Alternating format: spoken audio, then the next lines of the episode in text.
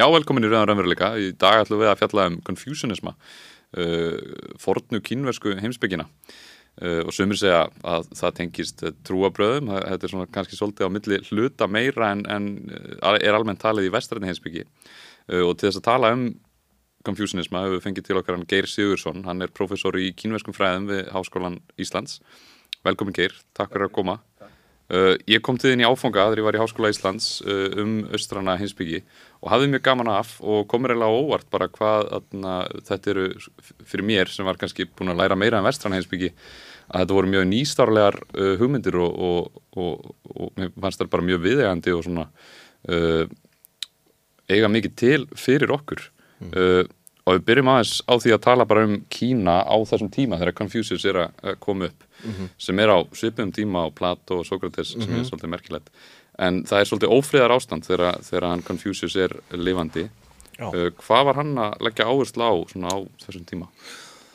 Já, einmitt, sko það, þetta, var, þetta var tímið það sem að um, uh, sko Kína var í hálgjörðri upplausni að það var að byrja að eiga sér stað upplausn það hafði verið, þetta var uh, svo kallega Joe tímabill sem að var nú kannski ekki beinlinis keisara veldi en um, þetta voru héruð uh, sem að sko lut, svona, má segja voru svona hálf sjálfstæð einhvern veginn en, en svona lutu samt yfirráðum keisarans mm.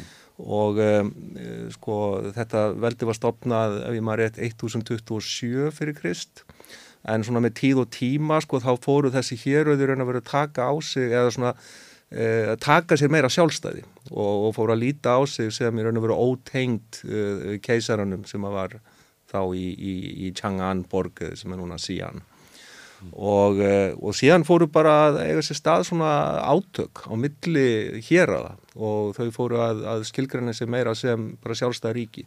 Það var enda ekki kannski alveg komið í gang þegar að Konfúsius var uppi Eh, það gerðist aðeins síðar og að talað um þann tíma sem tíma hins stríðandi, rík, stríðandi ríkja sem að byrjaði svona umtabil 475 fyrir Krist og, og, og, og þá var bara borgarastyrjöld bóstaflega í 250 ár í, í Kína þar sem að þessi ríkið að fyrrum héruð voru í raun og veru að, að berjast trænlega bara um yfirráð, yfir landsvæðum og yfir fólki og Konfúsius upplifir svona þetta skeið uh, þegar að þetta er að byrja, það er svona er að byrja þessi spenna uh, uh, svona komin ákveðin ringulreið í samfélagið og hann vildi sko reyna einhvern veginn að endur skapa þetta Joe veldi eins og það var þegar það var sem friðsamlegast svona í 11.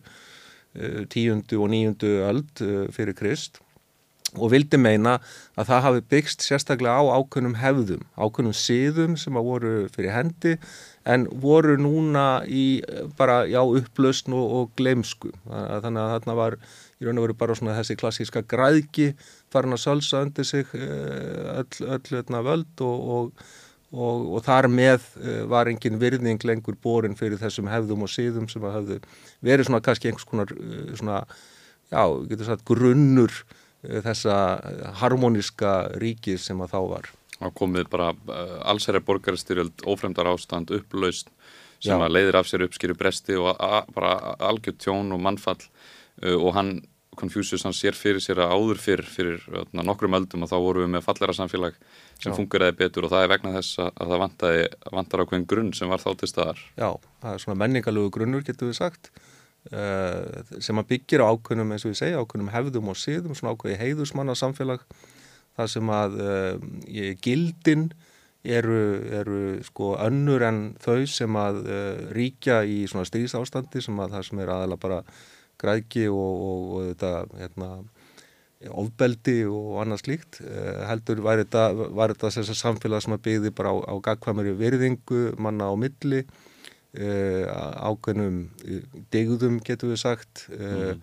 á því að rækja sín hlutverk á því að já, lifa friðsamlegu lífi og, og svona produktífu lífi mm. og þetta bara geta, geta notið lífsins, ég menna það er náttúrulega það sem að samfélagi hýtur að snúast um að einhverju leiti að við komum okkur saman um lög, reglur, síði, hefðir sem að gera okkur kleift að, að já þroskast og mótast og fá sem allra mest út úr því að vera manneskjur hugsandi og manneskjur sem að auðvitað e, búa við tilfinningum og hafa ákveðna þarfir og, og svo frammeðis. Og, og þetta stund kalla svona digða síðfræði að hann, hann er að leggja áherslu á ákveðin gildi sem að, að hann vil meina þurfi að rekta upp og, og setja mjög sérstaklega áherslu á uh, til þess að búa til samfélag sem að, sem að er að fungera í hag uh, heldarinnar, í hag einstaklingarna í samfélaginu Já. á móti þessu ófrendar ástandi uh, stríðisherra sem eru bara að reyna að sækjast í völd og, og svo framvegs. Akkurat, um, einmitt, sko, það, það er líkil orðið þarna er kynverska hugtækið uh, sjósjen eða sjóji, það er svona mismandi hvað er notað, uh, sem að merkir sjálfsrækt eða það að rækta, uh, bókstala því að rækta eigin líkama en við, þetta er ekki tvíhegju hugsun sem er hérna á ferðinni, heldur bara að rækta sjálfan sig. Uh, og það er raun og verið það sem að sko allt snýst um hjá konfúsíusi. Það er það að, að sko við erum verur sem að viljum alltaf gera okkur betri. Og auðvitað þess að byrja með þegar við erum börn þá þarf auðvitað að hafa eitthvað, eitthvað aðhald með okkur, þarf að aðstó okkur við að stíga þessi fyrstu skref. En síðan þegar við erum orðin svona fullburða að þá tekum við þessi tími þar sem við gerum þetta upp á eiginspítur þannig að við erum stöðut að reyna að, bæta okkur sem personur, verða betri personur og þá er náttúrulega spurningin hvað það þýðir nákvæmlega. Og, eh, og þá kemur kannski þessi spurning þín um, um sko digðarsiðfræðina inn og, og það, það á þessu eru náttúrulega svolítið marga tólkanir vissulega. Að þá eru annars vegar þessi tólkun að við séum með einhverja tiltekna siðræna eiginleika í okkur sem við erum að reyna að, að bæta og, og, og þá er það náttúrulega mjög nálagt svona þessari aristotelisku hugsun sem við þekkjum ansið vel. Sem er annað svona digða siðfræði kerfi. Akkurat, sem að, má segja, sko digða siðfræðin, hún verður náttúrulega til eh, ekki fyrir hann hérna á sjötta áratugnum, sjötta áratug síðustu aldar með, með hérna, Elisabeth Anscombe sem að vildi finna svona aðrar leiðir til að nálgast siðfræðina, frekar heldur en svona eh, einhvers konar svar við því hvað er rétt breytni í hverju tilviki fyrir sig, hún vildi vika út eh, sagt, vettbang siðfræðinar til þess að taka inn sko, eða, eða svona huga kannski frekar að því hvernig getum við gert okkur á góðum personum eða degðum personum, Hva, hvaða degðir þurfum við til að bera þess að geta lifað auðvitað efdæmónusku lífi í aristotelisku skilningi, það er að segja farsæl, farsælu lífi? Mm -hmm. Og, það, og það er alveg hægt að skilja konfúsinisma með mjög svipuðum hætti að, að, að þetta, er, þetta er það sem að þetta snýst allt saman um, það, það er þessi já, svona, ég, ég kalla þetta mentun Eh, íslensk orði mentun er mjög gott vegna þess að mentun er, er svona ferlisorð. Þegar við erum að menta okkur þá erum við einhverju ferli að gera okkur að meiri manneskjum, gera okkur að meiri, meiri mönnum mm -hmm. og, og, og það er nákvæmlega það sem að konfúsianismi snýstu. Það er raun og veru að rækta þessa mannlegu eiginleiku okkar sem við fáum í gjöf frá náttúrunni en við þurfum að vinna úr þeir, þeir, þeir sagt, þroskast ekki bara að sjálfu sér, heldur þurfum við að vinna í þeim. Eitthvað sem það þarf að, að rækta. Nákvæmlega. Og, og hann er einmitt með svona aðal hugtökin, mér finnst það svo skemmtilegt að læra um og sjá að, að þetta eru náttúrulega kínversk hugtök sem að ná utanum sem við hefum kannski ekki alveg beinar þýðingar fyrir. Nei. en til dæmis einn sem að, að Confucius segir og þú leiðir með þetta ráðkvæmur hann, seg, hann segir að þetta sé aðaldegðin eða svona grunnurinn alveg. Og, og það er uh, renn sem, sem, sem mætti kannski þýða sem mennska eða svona gæska. Akkurat, akkurat einmitt, renn er, er svona það er alveg tvímælust höfuð degðin hjá Aristoteles eh, hjá, hjá Konfúsíus hérna, og, eh, en sko, og það er nýrði það er nýrði á þessum tíma. Og það sem er svo aðdeglisvert er þegar maður les hérna, samræður konfúsiusar eða munmæli konfúsiusar eða speki konfúsiusar eins og Ragnar Baldursson hefur þýtt mjög fín þýðing hjá honum. Það er svo áhugart þegar maður les þessa bók að lærisveinar konfúsiusar virðast ekki vita hvað þetta renn þýðir. Þeir eru alltaf að spyrja næði hvað er þetta renn, er, er þetta renn? Ef við gerum þetta, er þetta renn þá? Eða, eða þetta? Mm. og, og sko og konfúsius svarar ekkit endilega alltaf á sama hátt veist, það, það, það fer eftir sko hver á við hlut. Og hann útskýrir þetta á einhverjum stað þar sem hann segir já sko þessi lærisveit þarf að bæta sig þarna. Þá getur hann kannski vonast til að verða einhver tíman renn og þessi þarf að bæta eitthvað annað en renn er sérstaklega hugtak sem að er borið fram nákvæmlega eins og hugtakið fyrir mannesku það er líka renn, borið fram nákvæmlega eins. Uh, táknið er aðeins öðruvísi. Uh, það, táknið fyrir renn þar að segja þessa góðmennsku eða mannúð eða hvað vil maður segja hvernig við, hvernig við viljum því það það felur í sér táknið fyrir mannesku og táknið fyrir töluna 2 ah. og það gefur þannig til kynna að það er raun og verið enginn sem verður manneskja án þess að það séu önnur manneskja sem eru í samskiptu við. Við verðum manneskjur í gegnum samskipti okkar við aðrar manneskjur. Mm. Aðeins þannig getum við orðið manneskjur, annars erum við bara dýr. Mm -hmm. Þessi manngeska, hún er, hún er til í þessu samengi tveggjara eða fleiri. Já, það er sérsagt, uh, sko, ég menna þetta byrjar auðvitað bara með því að við fæðum sem, sem ungviði og þurfum að fá umönnun einhverja, uh, fóreldur okkar oftast en, en stundum eru einhver aðrir og það er á þessum tíma sem að hefst eitthvað þroskaferli þar sem að við lærum í raun og veru að bera umhyggju fyrir öðru fólki. Við lærum umhyggjuna uh, með því að aðri síni okkur umhyggju og, og, og þannig tökum við þessi fyrstu skref. Síðan náttúrulega má greina niður þetta renn kannski í fleiri skref uh, sem, að, sem, að, hérna, sem að við þurfum að tilengja okkur á, á lífsleginni og, og það náttúrulega sko talað um um, í sem að um, er líka mjög erfitt að þýða uh, hefur stundu verið þýtt sem uh, svona réttvísi.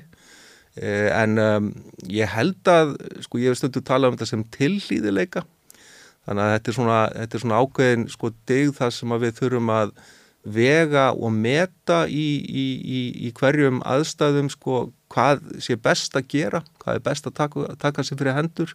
Þannig að það komi í raun og vera öllum hlutað eigandum vel eða sem allra best mm -hmm. þetta, þetta hefur nú reynda stundum verið borið saman við uh, hugtaki frónesis hjá, hjá Aristoteles sem er svona, svona higgindi það að, að geta metið aðstæður almennilega og, og, hérna, og breytt uh, í, í ljósið þeirra. Það er svona skinsamar og, og góðar ákvarðanir og setja rétt áherslu á hluti einmitt, og þannig. Einmitt og þetta kemur það miklu leiti út frá reynslu og svo frammeðis og síðan eru fleiri sko en, en sem sagt og þú getur alveg spurt út af þau á eftir þú vilt en, mm en mhm. sko renn er æðsta digðin hjá, hjá konfúsiðsi. Það er að segja sko ég myndur kannski í belninni segja að hún sé einhvern veginn samansapna öllum hinnum digðunum en hún er, hún er svo aðsta og hann gerir mjög mikla kröfur til þess að það sé að tala um renn. Þú þarf að vera, búin að ná mjög langt í þroskaferlinu til þess að geta talist vera renn og hann er alltaf eins og ég sagði sko, lærisverðandir alltaf að spyrja hann og spyrja, er þessi renn? og hann myndi segja, næ, ég myndi nú ekki segja þessi var alveg renn sko. Já, fyrir svona konfísísku mistarinn og það er ekki nóg að gera einhvern einn góðan hlut mm -hmm. þú þarfst að sína karakter sem að sko e, hérna, á við bara um þig sem personu og það hvernig þú hegða þær á löngum tíma mm -hmm. til þess að geta sagt á þessi renn þar að auki er ekki eins og þú fáir einhvern tíðan renn og svo bara ser, ertu alltaf með renn. Nei, þú þarf alltaf að sína það aftur og aftur að þú e, sért með það renn. Og það er þetta sem að gera konfúsinism að gríðalega krefjandi hensbyggi að e, þú, þú nærð aldrei í land. Stöðutferðli það er stöðutferðli það er gengið út frá því eins og í öllum e, kynverskum hensbyggiskólum að veröldin er á hverfanda kveli það er, það er hlutir eru alltaf að breytast við erum alltaf að breytast. Uh, afstafa okkar á milli er alltaf að verða einhver önnur. Fólk er að breytast. Uh, þannig að sko uh, konan mín er, er ekki alveg sama persóna í dag og hún var í gær, það er eitthvað hefur breyst þarna, þannig að við þurfum alltaf að vera svona, við þurfum alltaf að já, aðlagast nýjum aðstæðum stöðugt. Mm -hmm. og, og þetta er, er viðleikni sem að má aldrei hætta, það, það er ekki hægt að ljúkani. Henni líkur bara þegar við lifum ekki lengur. Þetta var e- einn amerískur profesor í, í kynveskum fræðum, skilst mér hans í heimitt og hann, hann talaði um þetta að svona nútíma hugsunin er e, gerðan þannig að verður þú sjálfur og, og bara fyndu út hvað skiptir því mestu máli og, og, og lefðu því að vera eins og það er. En, en þessi profesor, hann segir sko að Confucius myndi segja nei, nei, nei, nei. Hug, hugsaði frekar hvernig vill ég verða og hvað, hvað raunverulega er það sem skiptir meira máli og að fara inn í þetta ferli, Ek, ekki bara að taka þér eins og það ert endilega. Þó þú sért gild manneskja og allt það heldur, heldur bara svona að hugsa meira og fara inn í þetta ferli að þróa þig í tildæknar áttir sem að, sem að þér, þér geti hugnast. En einmitt öðna, helst þá að vera í, í þessu mentunarferli með öðna, reynslu meira fólki og í, í, í samskiptum við, við gott fólk. Já, sko, einmitt, ég held að, og þetta er Michael Poet sem þú ert að vísa til þetta, sko ég held að, að um, uh, í þessu, í þessu uh, tilviki, sko, þá, hérna, þá konfúsirismi er svolítið mikið sameilegt með, með existentialisma í raun og veru. Að, að sko við, við erum ekki eitthvað tiltekið. Við erum alltaf verðandi. Við erum alltaf að breytast, við erum alltaf að verða eitthvað annað en við erum. Og það er mjög mikilvægt að gangast við því uh, að við erum ekki, sko, leiðu þú ferð að segja ég er svona og ég ætla bara að vera svona þá ertu búin að sko negla þið svolítið mikið niður. Mm -hmm. en sko í heimi þar sem að allt er breytilegt, stöðut breytilegt, þarf þú líka að vera breytilegur. Þú ert líka stöðut að laga þig að hlutum og, og reyna að finna þig í, í veruleika sem er alltaf nýr í einhverjum skilningi þess orðs. Mm -hmm. Sem að þýði það að þú getur ekki verið eitthvað eitt, þú getur auðvitað verið með ákveðnar tilhengar sem eru samkvæmar yfir eitthvað tíma en þú getur ekki nelt niður, niður eitthvað eðli sem ert þú og það er kannski meira sæða slæmt að því að það væri ósamkvæmni já, þú já. getur hugsaða þannig að þú viljir verða meira svona vilt vera betri í þessu eða svo, fram, svo framvegis frekar hann að festa í, að, í það að þú sérst svona. Það er akkurat þetta sko. Og það er akkurat þetta og það er þetta sem ég var að segja á þann þess vegna er konfúsinu mjög, mjög hérna krefjandi vegna þess að þú þart í raun og veru alltaf að, að vera að vega og meta og breyta og, og svo frammeðis og, og það er mjög erfitt að gera það, það er mjög erfitt að halda þetta út. Mm -hmm. og það er kannski þessna sem að Confucius var mjög tregur til þess að viðkenna að einhver væri renn Þetta er svona meira eins og eitthvað ídeal sko, sem er mm. kannski bara mjög erfitt að, að ná Minni kannski svolítið á það sem Aristoteles sem skrifar um og þetta vestræna diðakerfi meira það gölluðu það eða ekki eudaimonic líf sem, sem er svona farsælt líf, farsælt líf að, að þetta var í raunin eitthvað sem að væri bara eiginlega hægt að segja eftir að manneskinni dáin. Það geta aðri kannski skoða lífið og séða jú, þetta var virkilega gott líf. Já, akkurat. Og hann segir náttúrulega hérna, einn ein svala býr ekki til sumar. Þú veist, eh, ég menna þetta er svona svipað að segja sko að já, ef þú hefur verið sko hérna ánaður einhver daginn, það er ekki þar með sagt að þú getur talað um að þú hafi verið átt farsall líf. Þú verður að skoða lífi bara eftir að því er lokið mm. og meta það þá. Þetta er, þetta er ekki dósipað og eins og sérð, ég menna það, það er ekkert er ekkert óeðlegt við það að það hafi verið reynd að búa til svona ákveðna heimsbyggilega samræðu á milli Aristotelesar og, og Konfúsiusar í þessu tilviki. Og sumi vilja meina sko að þessu algjörlega samrýmanleir en sko þeir, en líka þeir bæti hvort annan upp að einhverju leiti að veist, það eru svona kannski ákveðnir nökrar hjá þeim báðum sem að þeir geta sko hjálpa til við að yfirfinna mm -hmm. Já, ég held að það sé rétt. Með, með það sem að, maður sjálfur hefur lesið að Aristoteles verist leggja mikið á það að vera svona akkurat passlegur einhvern veginn, ekki vera of reyður til dæmis en, en heldur já, ekki vera of ekki reyður heldur svona, hófsemin, já, já svona miðbundur. En svo uh, er Confucianismi að íta upp ákveðnum gildum sem að maður er svona að kynnast og, og þróa.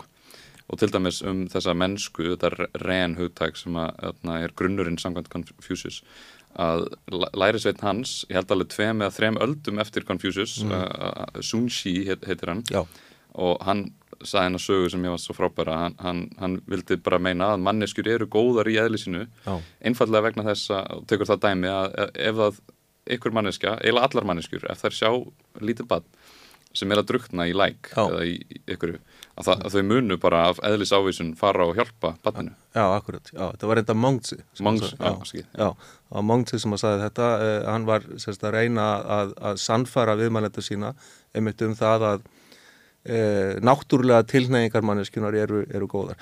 Sko, Móntse livði á tíma hinn að stríðandi ríkja. Hann upplifir persónulega e, mikinn ömurleika, e, bara hræðilega tíma þar sem að menna, fólk er bara sveift öllu og, og, og lifir í hungursneið og svo framvegis. Og hann náttúrulega upplifir það að, að sko, það er, menna, fólk er að gera alls konar ofbeldisverk á þessum tíma þannig að hann kemur hérna og, og, sko, og tala svolítið svona örgulega gegn e, þeirri trú sem að var kannski hérna, alls ráðandi í hans samfélagi að, að og segjandi sko manneskjan er raun að vera góð í aðlisinu sko. Mm -hmm. en, en það, það er umhverfið sem að spillir fyrir henni. Og, og þetta dæmi svo nefni sem er mjög flott dæmi að það átti að vera sko svona ein leið til þess að sína fram á að sko innst inni þá eru við, viljum við vel en, en það er vegna þessa sko skjálfilega stríðsástands sem að hérna, við höfum vilst af leið og, eh, og erum, erum farin að eldast við já við erum auðvitað farin að keppa um gæði sem eru kannski á skortnum skamti og þá, þá, þá geta hlutinni farið uh, mjög illa. Það versta í manneskjunni fyrir svona já. að veljast út emitt uh, og, og þetta er eitthvað sem að Confucius hafi alveg gríðarlega áhrif á, á menningu Kína og þessi hugsun og hann var nú ekki einn nefnitt að hann var með alla þess að lærisvenna með sér og svo fólk á eftir honum eftir að hann var dáinn sem, sem að held þessu uppi og uh, setna meir þegar að Confucius er lifandi þá nær hann ekki miklum vinsældum uh, en hann er að ferðast á milli strísarana og, og lávarðana að reyna að bóða sína speki uh, um þessa manngesku, mentun uh, og þess áttar Já, hún verður ekki mikið ágengt. Um, emitt, hann, hann ferðast ansi víða svona á, á sínum tíma með skosti og, og, og hérna emitt talar við þessa já, hvað hefur að kalla á greifa eða eitthvað þeirra sem að voru að taka sér völd yfir sínum svæðum reyna að fá þá til þess að, að fylgja sér að máli og, og sinni heimsbyggi og hann komst reyndar í embætti uh, um nokkur ára skeið en svo voru hann bólað úr því eftir að það var einhvers konar stjórnabilding á, á uh, hans svæði, þetta var í, í Lúkjeraði sem er húnna Shandong Uh, og, og stundum hef ég nú reynda gert grína þessu sko þegar ég er að kenna uh, þetta uh, hérna í, í háskólanum og, og, og svona þá, þá orðaði þetta vilja tannig sko að, að hann sem sagt hafði metnað í það að, að sko vera stjórnmálamæður og reyna að breyta hlutunum til þess betra. En, en svo, svo mishefnaðist þetta hjá honum allt saman og hann endar á því að verða bara kennari já, já. já. þannig að og, sko, og, og kannski írónían eh, ef við, við spáum aðeins í það er, er sko að eh, fyrsta september minnum ég sko þá, þá er ammalistagur Konfúsiusar og, og eh, þá er hans minnst í Kína sem hins mikla kennara. En það er náttúrulega ekki það sem að Konfúsius vildi vera. Hann vildi vera stjórnmálamæður hann vildi hafa áhrif. Hann vildi reyna að breyta samfélaginu til hins betra ekki bara að vera kennari. Auðvitað hafða hann gríðarlega áhrifin sem kennari ef við, ef, við, ef við lítum á það svona í heldarmynd vegna þess að, að konfúsianismi verður síðan ríkishumutafræði á Hanveldinu uh, árið 206 fyrir Krist og, og, og, og er það í, í, í 2000 ár eða svo. Þannig að, að auðvitað hafða hann gríðarlega áhrif en hann vildi hafa áhrif á sínum tíma. Mm -hmm.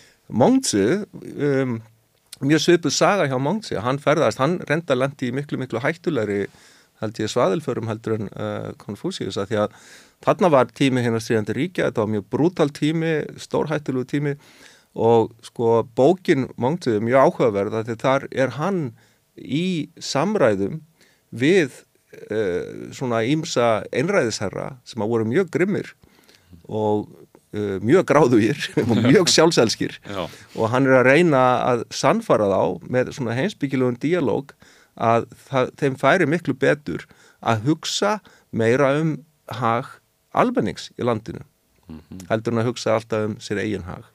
Það, með því að vera svona eigingjarnir og, og sjálfsveldskýra þá er þeir að skapa meiri ofrið og, og Akkurat, og þeir eru hrættur um lífsitt og, og þess að þar og mangt sér bendur einfallega á það. Ef þú, ef þú deilir ekki með almenningi e, þeim gæðum sem að, sem að þú hefur aðgangað og þá er ekki fyrða að fólk hatið þetta er bara þannig. Og, ef, ef en hún er mistóks líka. Já, já. E, já einmitt, á já. sínu lífi en, en svo hafa þeir báðir einmitt alveg gríðarlega áhrif á, á menninguna. Það, það eru fleiri hugtök þarna, e, til dæmis lí mm. sem að, ég sá ekki stað því sem svona skildurækni kannski. Eða propriety kallaði þetta á, á ennsku getur aðeins útskýrt sko já, þetta eru Ragnar Baldursson þýður þetta sem síði síði já e, og það er oft talað um þetta sem sko sem hérna ritual sko eða, eða e, svona fór, hérna, helgiatapnir eða eitthvað, eitthvað þess áttar sko. Mm. Þetta er endar alveg gríðala vítt uh, hugtak. Það er mjög erfitt að finna einhverja eina þýðingu sem mann er utan, utanum þetta en þetta felur í sér, felur vissulega í sér ritual, helgiatapnir, uh, serimóniur um, en getur líka verið sko kurteisis hefðir það hvernig Já. maður kemur svona formlegir kurteisis síður mannasíður já, mannasíður getur við sagt sem eru svona eins og bara handaband. Mm. það er lí. Þannig að þetta, þetta snýst um það sko hvernig við, við eh, eigum samskipti bæði við að fulltrúa hins liðna sem eru þá forfeyður okkar sem við, við, við gerum með því að, að fórna þeim, þeim til hérna, vex og virðingar. Eh, hvernig við höfum uh, samskipti auðvitað við núlífandi fólk sem er bara alls konar hérna, mannasýður og svo líka komandi kynnslöður uh, börnin okkar og, og, og, og þá sem eru að vaksa á grasi og munum taka við. Uh, þannig að sko við erum að reyna finn, við erum að reyna að sjá þetta sem svona eina heild samhangandi heild úr fortíð yfir í framtíð og við halda ákveðnum hefðum og siðum sem að hafa, já sem að eru kannski ákveði svona eh, eða veit okkur svona ákveði identitet ákveðna merkingu sem hluti af þessu samfélagi sem við búum í. Þannig að það er mjög mikilvægt að viðhalda fortíðin og sjálfsögðu getur þetta orðið einhverju leiti krettu fast eh, og hefur auðvitað orðið það í, í, í, í sögunni raunverulega. Gegnum ár þúsundin. Já, já, já. En sko það hvernig ég allavega skil Konfúsius og hans uh, svona hérna, fylgismenn uh, eh, Móngsu, Sunsu og, og fleiri að þá ætti það ekki að virka þannig. Það, það, það, þetta á að vera svona sæmilega sveianlegt þar að segja við, við þurfum að breyta hefðum þegar það er ekki lengur við. Þannig að við eigum að vera gaggrínin á hefðirnar en við eigum líka að vera gaggrínin í þeim skilningi að átt okkur á gildi þessara hefða ef að það er eiga ennþá við og, og reyna þá að halda þær í heiðri. heiðri. Ég er ekki alveg viss hvort þetta sé konfjúsísk uh, helgiaftöfnin sem ég er að hugsa með, mér minnir það, þú leir þetta með það ránt, en mér minnir að ein helgiaftöfnin hafi gengið út á það, uh, það, er, það er alls konar einhverjar uh, klukkur og, og hljómur og reykur og, og svo lappar fólk fram og, og neyðir sig fyrir forföðurinn manna, mm -hmm. en ég heyrði meina helgiaftöfn þar sem að, að, að fadurinn mm. átti að taka á sig hlutverk svona síns. Sonurinn átti að vera fadurinn og þetta var svona helgi aðtöld sem snýrist um það að virða Nákvæmlega. þessi sikkur hlutverk hjá uh, Nákvæmlega, setja sig í spór uh, hvers annars mm. sem er, er líka mjög mikilvægt. Að, að svona átta sig á því sko, hvernig, fyrir sonin, hvernig er að vera fadir það getur verið mjög krefjandi. Mm. þannig að í þessu, þetta er svona svolítið eins og leikrit á vissan hátt og, og þú þart að leika þetta hlutverk og það þýðir að þú ert að lifa þig inn í hlutverkið. En það þýðir líka sko að þú þróir með þér svona ákveðna empatíu. Og empatíu á kynversku er sjú og stundum með leikum að sér á, á ennsku, maður segir svona to put yourself in the other shoe. Já, um mitt, já, samúð Já, já. Og já, þetta er svona samúð, empatíja eh, samhigð, eitthvað sluðið sko að, að hérna, geta geta ímynda sér hvernig er að vera hinn aðilinn Þa, það er mjög mikilvægt. Og, og reyndar í speki Konfúsiusar þá segir Konfúsius á einu stað þar, þar sem hann er spurður af lærisveinu sínum er til einhver svona ein regla sem að hægt er að fylgja alla æfi og Konfúsius segir það er kannski sjú, það er þessi sam, samhigð eða samúð eða samkend, getur við kannski sagt. Mm. það er mögulega grunnurinn. Þa, það er mögulega grunnurinn. Að þú veist, ef við getum uh, hérna uh, og svo, svo bætir hann reynda við að þetta er sko, þetta er, hin, þetta er, hins, þetta er silfurreglan, svo kallað, ekki hinn gullna regla uh, sem við, við höfum á, á Vesturlandum og, og kemur úr biblíunni gerðu gjörið þeim það sem að þér viljið að þeir gjörið þér Uh, heldur ekki gera þeim það sem að þér viljið ekki að aðri gjöri þér. Mm. í hináttina já, í hináttina átt að á því hvað árið þú hafa á aðra og, og, og kannski ekki, ekki meiða aðra þú vilt ekki aðrir uh, meiði þig já. já, og það er svona ákveðin kannski svona griðastefna í þessu líka eh, kannski ekki endilega vera að skipta þér allt og mikið af öðrum bara svona frekar að, að sleppa hendinni sko. ekki vera of afskipta samur heldur mm -hmm. Le, leifa þeim líka að vera mm -hmm. Þannig að þessi neikvæða regla, hún er svona á margan hátt miklu meira aðlandi heldur en þessi jákvæða. Sko. Að þessi jákvæða, hún náttúrulega byrti síðan bara í trúbúði ekki satt, ég, ég kem og ég ætla ég, ég vil að hérna, þú hjálpir mér að verða þú veist, eh, trúaður á, á, á Kristi eitthvað, þannig að ég ætla að hjálpa þér. Mhm. já, það er svolítið skrítið, Já. svona aðeins önnur nálgun. Svolítið önnur nálgun, já. Eitt annað stórt, mjög stórt, myndi ég segja svona í bæði sko, í sögu mannkynsins uh, að vissuleiti en líka í Kína að Confucius er að tala fyrir þessu uh, þarna í þessu ófrendar ástandi sem er þarna að uh, það þurfa að breyta því hvernig embætismenn eru valdnir inn í stjórnkerfi uh, þessara ríkja. Mm að það megi ekki lengur vera þannig segir Confucius að, að það séu bara ættingjar uh, lávarðana og, og ykkur er bara tiltæknir sem að henda hverju sinni uh, sem að hafa ekkert endilega neina mikla hæfni fram að færa inn í þessi embæti já. Einmitt, já, þetta er þessi, þessi verðleika stefna sem að hefur e, þróast út frá e, konfúsianiskum hugsunahætti í e, Austurasju, mjög víða, Kína en líka í Kóriu og, og Japan og Vietnam og hún gengur einmitt út á þetta að við hefum að fá embættismenn sem að eru hæfir til þess að gegna sínum störfum. Eh, Þannig að það voru innleitt þarna á sínum tíma, var hendar á hann tímanum, sem voru innleitt svo kalluð svona embættismanna próf, þar sem að uh, kandidatar þurftu að sína, getu sína til þess að verða embættismenn uh, fyrir keisaran.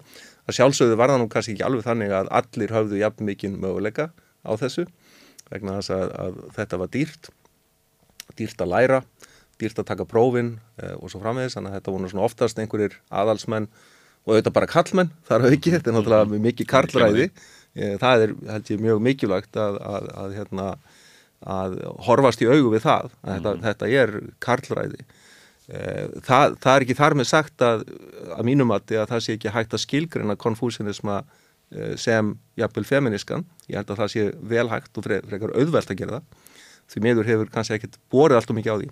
En mm. aftur að hinnu að, að það voru þá svona frekar fáir sem hafðu kannski tök á að, að þreita þessi embætismannapróf í, í gegnum aldirna það er í raun og verið ekki fyrir en sko sko það tekur svona ákveðin kipp á, á hérna songtímanum sem er þá sko 10. 11. 12. öld þá kemur fram á sjónasvið embætismæður sem að hétt Wang Ansu sem að var uh, svona, mjög, mjög þekktur í kínverskri sögu og hann reynda, reyndi að vika þetta út reynda, sko, reynda að ná til fleiri aðila í, í sveitum landsins og, og, og, og tiltók þá einmitt að uh, hæfileikar eru allstaðar við þurfum bara að finna þá veist, þeir, þeir takmarkast ekkit bara við einhver aðalsmenn heldur, þú veist, það, það geta verið hérna, mjög hæfileika ríkir ungir menn sem eru út í sveitum og hafa kannski bara ekki haft tækifæri til þess að, að, hérna, að menta sig.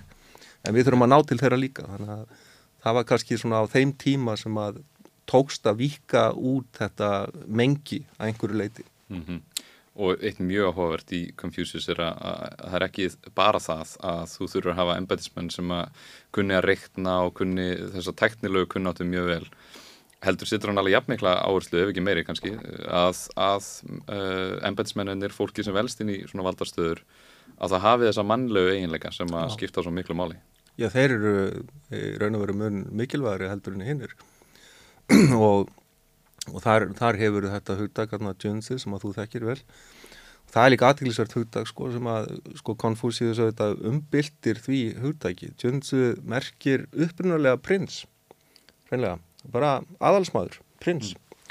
En sko í meðförum Konfúsiusar þá eh, sko þá, þá endur skilgreinir hann hugdagi þannig að þetta snýst í raun og veru miklu frekar um eh, svona siðferðilegan prins, e ekki prins sem að er aðal borin heldur eh, einhvern sem að verður að siðferðilegum prins með, að, með því að rækta sjálfa sig og, og gera sig að betri personu. Verður fyrirmenni, ég, ég, svona, ég er svona gaman að þessu orði fyrirmenni. Og, og mér langar sko að leggja áherslu á að ég reyna að hafa það kynlaust vegna þess að mér finnst að ef við ætlum að beita konfúsinisma í samtímanum sem að ég legg áherslu á að reyna að gera. Eh, allar mína tólkanir snúast um það hvernig er hægt að beita þessu í dag. Þá verður þetta að vera kynlaust. Það verður að eiga við um bæði karl og konur og kannski fleiri, og fleiri kyn líka ég veit það fyrr og hérna fyrirmenni vil ég kalla þetta vegna þess að sko það sem að Junzi er er að hann er eða hún er fyrirmynd hreinlega. Og, og hérna á, eins og ég sagði áðan, Confucius uh, vildi auðvitað ná uh, hérna, árangri innan stjórnmáluna og hann talar við lærisveina sína þannig að þeir eiga að reyna að komast til ennbæta. Þa, það er í raun og veru markmið. Junzu er einmitt einhver sem á að komast til áhrifa. Hann á að vera stjórnmálamæður, eða hún, mm -hmm. segja aftur, stjórnmálamæður sem að, eða hán, já, sem að uh, sko hefur náðað þroska þessa siðferðilegu eiginleika sína en auðvitað líka læra aðra hluti eins og hérna, það voru þessar sex listir sem að talað um sko, auðvitað starfræði og, og keira hestavagna og, og, og báfimi og fleira slíkt sko. Kanski setja yfir í hagfræði og eðlisfræði og starfræði Já, getur, getur verið sko, getur verið en það eru þessi siðrænu eiginleikar sem að skipta fyrst og hennast málið sko, að, að viðkomandi sé, sé heiðalegur að viðkomandi sé að hugsa um hag almennings, að viðkomandi sé ekki þarna fyrir sjálfa sig, að viðkomandi sé, veist, uh, raunverulega uh, í þessari stöðu til þess að gera samfélagið betra. Mm -hmm. gera heildina betri að spila þetta hlutverk rétt já, já, eins og Confucius já. vil meina það Nákvæmlega. og þarna er hann svolítið að pöngast líka á þessum tíma því að, að, að þetta Jones í hugtak á við uh, geti þýtt yfir á ennsku sem noble og þá er það náttúrulega noblemenn, aðalsmenn sem fæðast bara inn í ennbætti og þannig. En hann er að reyna að snúða svo haus og segja að þetta séu uh, ennbættismenn sem, sem er að haga sér rétt uh, allan á góðan hátt sem er uppbyggilegt fyrir samfélagið og, og fólki kring. Þetta er hárétt og, og þannig að þetta er mjög svona rótæk endur skilgreining á þessu hlutverki eða á þessu hugtæki tjunsi mm -hmm. og, eh, og ég held að það endur spekli mjög mikið svona þá stefnu sem að Konfúsius var að reyna að innleiða. Hættum að hugsa um þessa aðalsmenn sem eru, þú veist, sínir einhverja e, gráður að einræðisera sérstaklega.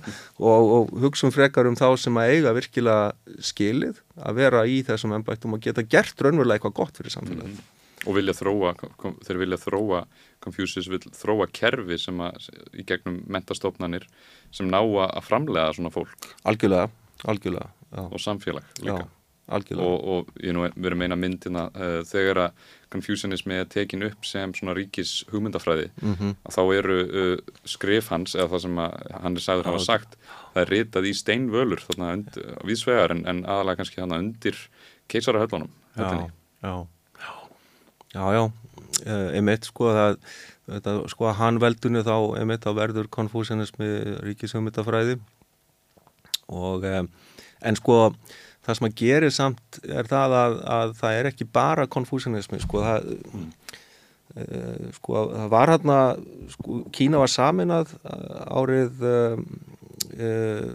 221 fyrir Krist eftir, eftir þessa langa ófriðar tíma og, uh, og það var Qin-veldið, það er eiginlega þann sem við tökum orðið Kína, Qin. En þetta var svona frekar skamlíft veldi og, og mér skoðast þið sangvað sögunni frekar svona grimmilegt veldi, það var mjög anti-konfúsionist sko, mjög anti-konfúsionist það var uh, þess að fyrsti keisarin uh, hann mun hafa stundað þann sið að, að hérna, brenna bækur sérstaklega konfúsionista Eh, og grafa konfúsianista lifandi þannig að þetta var, þetta var mjög wow. já, það var mjög mikil svona það var mjög mikið á móti konfúsiusi og, og, og, og hérna, þeirri hensbyggi sem að, sem að uh, þeir bóðuðu af, af hverju var hann svona mikið á móti? Var þetta ó? Sko, já ég, það, það verðist vera sem sko hann, þetta, þetta komur, þetta var reyndar að undirlægi ráðgjafans, maður hétt eh, Lísu og, og var hérna, tilherði eh, sko annari öðrum skóla, öðrum heimsbyggiskóla sem hefur verið kentu við löghyggju. Uh, Fatja heitir það á, á, á hérna, kínversku. Og uh, þetta er sérsagt uh, svona stjórnspeggi getur við sagt sem að í, í, með mjög einföldum hætti snýst um að um, gera hvað sem hægt er til þess að halda völdum mm. og, og, og geta haft sko uh, mjög mikið svona, mjög mikil yfiráð yfir almenningi uh, með, með, með gríðalega sterkum refsingum, mjög svona grimmilegum refsingum en jáfnframt einhverjum umbununum ef að, ef að fólk er að gera rétt en það er svona meiri áhersla lögða á þessar refsingar og um, e, talaðum þetta sem hinn tvö uh, svona áhöld uh, keisarans, það eru refsingarnar og umbunarnar en það er aðalega refsingarnar sem skipta máli og áhersla sko löghygjunar var á það sko að það var engin undan þegin þessum lögum. Eða voru einhverja lög, einhver lög og einhverja reglur um það hvað má og hvað má ekki gera, þá er enginn sem er undan þegin. Þannig að á vissan hátti er þetta mjög aðteglisvert vegna þess að, að þarna er sko ekki verið að, að hérna, e, sagt, það er ekki verið að taka einhverja út fyrir svega, það er allir jafn rétt áður, þannig að þú ert með einhverja ráþerra og einhverja aðra sko sem að gera ger eitthvað af sér að þá á að refsa þeim alveg eins og öðrum. Þannig að þetta er svona óhlutrækni sem er þarna til staðar. En uh, sko lögheikjan og konfúsianismi voru svona anstæði pólar lengi vel og á tíma hennastriðandi ríkja og jafnvel á tíma konfúsiusar þá var lögheikjan þegar til að, að sko þeir voru ósamálar hreinlega um stjórnunaraðferðir. Og um, sko konfúsius vildi innleiða siði og e, lærdóm, mentun, hann trúði á möguleika manneskjuna til þess að menta sig siðferðilega og læra e, sko hvað væri rétt að gera og hvað ekki á meðan, sko þannig að í raun og veru átti, átti þetta að koma innanfrá hjá Konfúsiusi, það er að segja manngæskan, manngæskan og þroskin og, og sliðis, ég menna hann, hann vildi þess að þroska samfélagi, þroska einstaklingarna í samfélaginu, þannig að þeir myndu sjálfur uh, sko búa yfir nægilega mikill skinnsemi til þess að taka eigin ákvarðinur og það var þetta að treysta þeim. Þannig að þetta var sko tröst er líka mjög stort og mikilvægt hugtak í konfúsianisma, sinn. Það er að segja að það þarf að vera þetta tröstu staðar í samfélaginu til þess að það geti fungerað. Ef það er ekki tröst þá fer allt í vittlesu. Tröst er algjör svona hornsteinn samfélagsins. Mm -hmm. Lögheggjan mm, skeitti engu um þetta Eh, þeir eru bara með svona frekar einfalda hensbyggi sem að snýst um það ef að einhver brítur af sér, já þá bara refsa og, og þessar, en sko annað í þessu er að þessi lög og refsingarnar eiga að vera öllum mjög skýr, það þarf að sagt, gera öllum ljóst að þetta er dýlinn, ef þú gerir þetta þá kemur þetta fyrir þig. Mm. já, og ef allir vita þetta vil, telja þeir, já þá mun fólk uh, hérna, uh, halda sér á móttunni halda sig á mótunni. Konfúsius var bara ósamála þessu, því hann, hann sagði og hann segir þetta bara mjög snemma í einum munmælunum, að, að hann segir sko ef að, ef að fólk er sko ef fólk er stýrt með valdbóði e, og svona ytri og refsingum að þá mun að brjóta af sér um leið og það sér eða um leið og það, að skoðst, heldur að enginn takja eftir Það komist upp með það. Já, komist upp með það. En ef að það, ef því er stýrt með digðum, með, með dö og hérna e, og, og, og, og lí, sérsagt með síðunum að þá gerir það rétt af sjálfu sér þá þarf ekki þetta ytra valbúð þannig að sko þetta er ástæðan fyrir því að, að löghygjumenn voru mikið á móti konfúsíus vegna þess að þetta voru bara anstæði pólar mm -hmm. en sérsagt á þessum tíma á tjinn tímanum að þá er það löghyggjan sem að ræður öllu.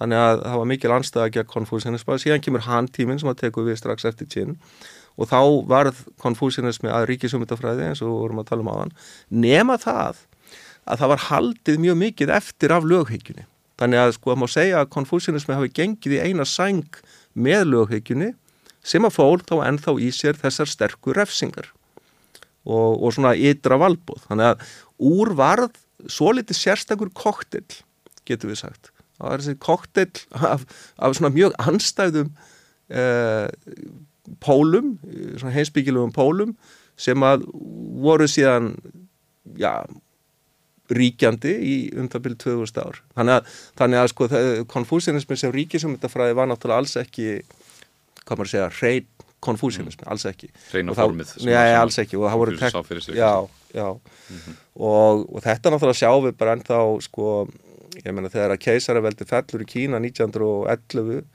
um, og það tekur við þarna fyrst um, uh, stjórn þjóðinni sinna uh, 1912 að, að sko og, og svo kommunistar koma 49 sjálfur sér sko lagakerfið sem var á öllu þessu tíma og hefur náttúrulega kannski tekið einhverjum breytingu núna eftir 1980 en svona fram til 1980 þá má segja að lagakerfi hafi verið mjög lögheikjukent í Kína Já, og byggir aðala á þessum hörðu refsingum.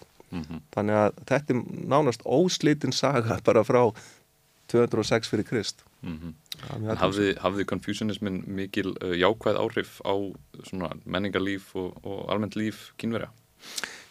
Já, Erfið spurning. En, Já, ég myndi nú segja það sko og, en sko við skulum samt aðtuga að, að hérna, sko konfúsinismi er náttúrulega daldið svona elitu hensbyggjum Mm. þannig að sko það er alveg spurning sko hversu mikil áhrif uh, hann hefur haft á sko bara líf fólks í dreifbíli til dæmis og, og þess áttar sko á hinbóin þá náttúrulega hefur mjög margt svona smitast úr konfúsinisma til dæmis inn í e, getur talað um svona alþýðu trúabröð sem eru oft ríkjandi í sveitum.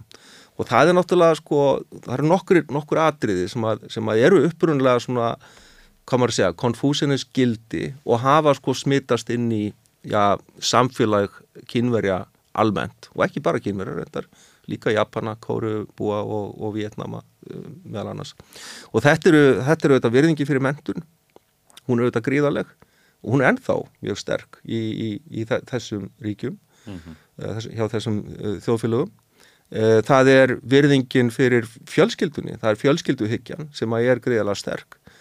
Hún er svona ákveðin, ákveðin grundvallur alls, að því allt byrjar innan fjölskyldunar og svo svona vext það út frá henni. Það eru fyrstu félagslegu hlutverkin það er, já, það, það, er það, það er fyrsta reynslan okkar af samskipti við annað fólk, það er raun og veru fjölskyldan og þar, þar lærum við eh, og við þurfum að læra umhyggjuna, við þurfum að læra kærleikan, við þurfum að læra ástina, það kemur ekki alveg að sjálfu sér þannig að, að það er ofsalega mikil áhersla náttúrulega lögð á bæði skildur foreldra kakvart börnum sínum og svo þetta líka skildur barnana kakvart foreldra sínum.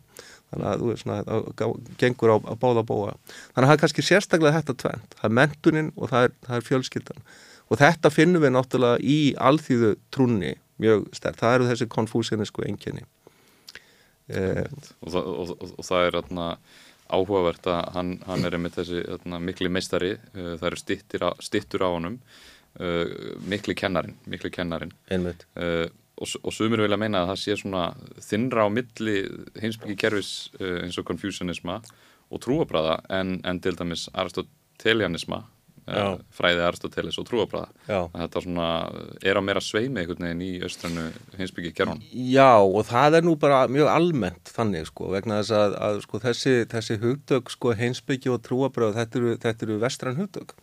Og þau eru, þau eru í sjálfu sér, sko, innleitt uh, á 19. öld, uh, koma fyrst inn til Japans, það eru þessi Japanar sem að búa, til, sko, já, getur sagt kínverst orð, sko, yfir, yfir bæði heimsbyggji og trúabröð, þeir notuðu þá, sko, þeir notuðu náttúrulega kínversku táknin, uh, þetta bera þetta öðru sér fram og allt það.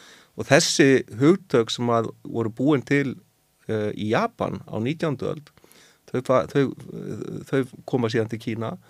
Uh, en sko þessi aðgreining á milli hensbyggju og trúabræða var í raun og veru aldrei það var aldrei þörf á þessari aðgreiningu í, í, uh, í þessum samfélögum af því að það er ekki gert ráð fyrir því að það sé svona uh, stífur greinamunur hann á milli. Og sko ég myndi nú segja og ég hef nú oft sagt að ég held að þessi, þessi skarpa aðgreining trúabræða og, og heimsbyggi í okkar heimsveitanum bara svona tilfallandi söguleg staðrend sem að verður bara til þess að, ég menna auðvitað byrjar í Gríklanda einhverju leiti vegna þess að Gríkjandi byrjuði á því að greina sér frá góðsögunum en svo styrkist þetta alveg sérstaklega á miðöldum. uh, og hérna þegar að sko uh, heimsbyggin fer að, greina sig frá kristninni.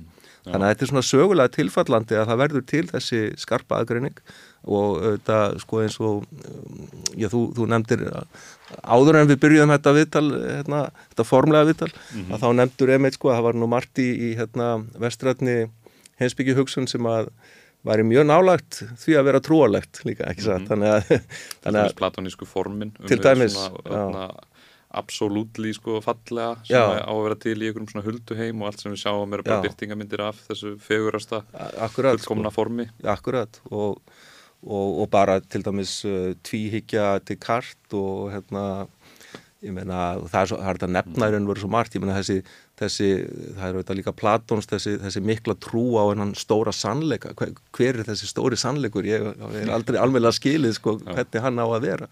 En það verðist nú vera einhvers konar einhvers konar guð eða eitthvað sko eða einhvers konar endurspeglun af einhverju guðshugmynd þarna á, á reiki. En sem sagt í, í Asíu sko þá er, þá er þessi greinamunur ekki gerður og, og hérna og mér er alltaf fundið svona besta svari við þessu þessari sko spurningu um það sko hvort að konfúsinismi sé heimsbyggja trú besta svari við þessu kemur frá kanadíska trúabræðafræðinu Wilfred Cantwell Smith sem að ennum fallin frá en hann sagði þeim sko spurningin er konfúsinismi heimsbyggi eða trú er spurning sem að vesturlandabúar gáttu aldrei svarað og kynverjar gáttu aldrei spurt. En þetta var ekki hug? Nei, þetta var ekki eitthvað sem, að, sem kom til hugar lundar? Nei, það er ekki þessi skilgreiningar árætta sko. Mm. og ég meina, sko, í raun og veru ég held að þetta segja sko bæðum konfúsinisma og dáisma og, og, og fleiri skóla sem að teljast til kynverskra heimsbyggi að þeir búa yfir bæði heimsbyggilegum og trúalegum hliðum og, og það er enginn sérstug þörf á að hérna, það, það er enginn sko, það er enginn spenna þarna á milli, þetta eru bara svona ólíka hliðar á, á þessum kerfum, ef, ef svo má segja. Ég myndi kannski segja að hérna, þess að trúalegu hliðar það kannski snúa svona meira að einhverju yðkun mm. eða æfingu. Uh, en sko þú spáir í þetta, ég menna Pierre Hadot til dæmis hefur skrifað mikið um það hvernig ætti að skilja uh, hérna, gríska hensbyggi til forna. Og hans kenning sem eh, hefur verið að reyða sér mjög mikið til rúm svona að þetta fötnu er að fyrst og fremst er, er, er um að ræða listina að lifa. Þetta, þetta, er, þetta eru æfingar uh, sem við eigum að stunda. Þetta er ekki, ekki sannleiks ást eins og hens byggja á að uh, hérna, snúast um. Heldur fyrst og fremst það hvernig er hægt að lifa hennu besta lífi. Og þetta er nákvæmlega það sem að ég held að kynversku skólanir séu að hugsa um auðvitað, þeir eru mjög uppteknir að stjórnaformum mjög upptæknir af því og það ástæðan fyrir því er náttúrulega svo að, að sko kynversku hensbyggiskólanir verða til í krísu ástandi. Það verða að reyna að leita að einhverjum svörum. Já, og þess vegna er svona uh, líka þetta sko benda á að þeir eru, þeir eru svona praktískari á margan hátt heldur en það sem við finnum kannski hérna hjá mörgum grykkjum til forna sko að það vegna að þeir, þeir eru virkilega sko uh, hérna þeim liggur á að reyna að leysa málinn Neiðar ástand í gangi. neiðar, Það er neiðar ástand í samfélaginu. Mm -hmm. þannig að þetta snýst mjög mikið um það. Mm -hmm. og, En þetta er mitt mjög áhugavert að því að maður skoðar til dæmis með grísku heimsbyggina þá er hún líka mjög gríðarlega mikið af ykkur sem mætti teljast sem trúarlegar hugmyndir eins og, eins og Platón. En, það, en uh, að vestrannu skólanir og vestrannu hugsuðunir og mentakjörun og svona hafa kannski litið svolítið niður á þessu austrannu fræði. Uh, og þetta hefur verið ákveð ferðli er það ekki síðustu ára tugi að koma östræna hinsbygginni eh, inn í okkar skólakerfi? Jú, það, það gengur ekkit sérstaklega vel. Ég, ég bara verða að viðkjöna það. Ekki nóg rætt? Nei, það gerir það nú ekki sko.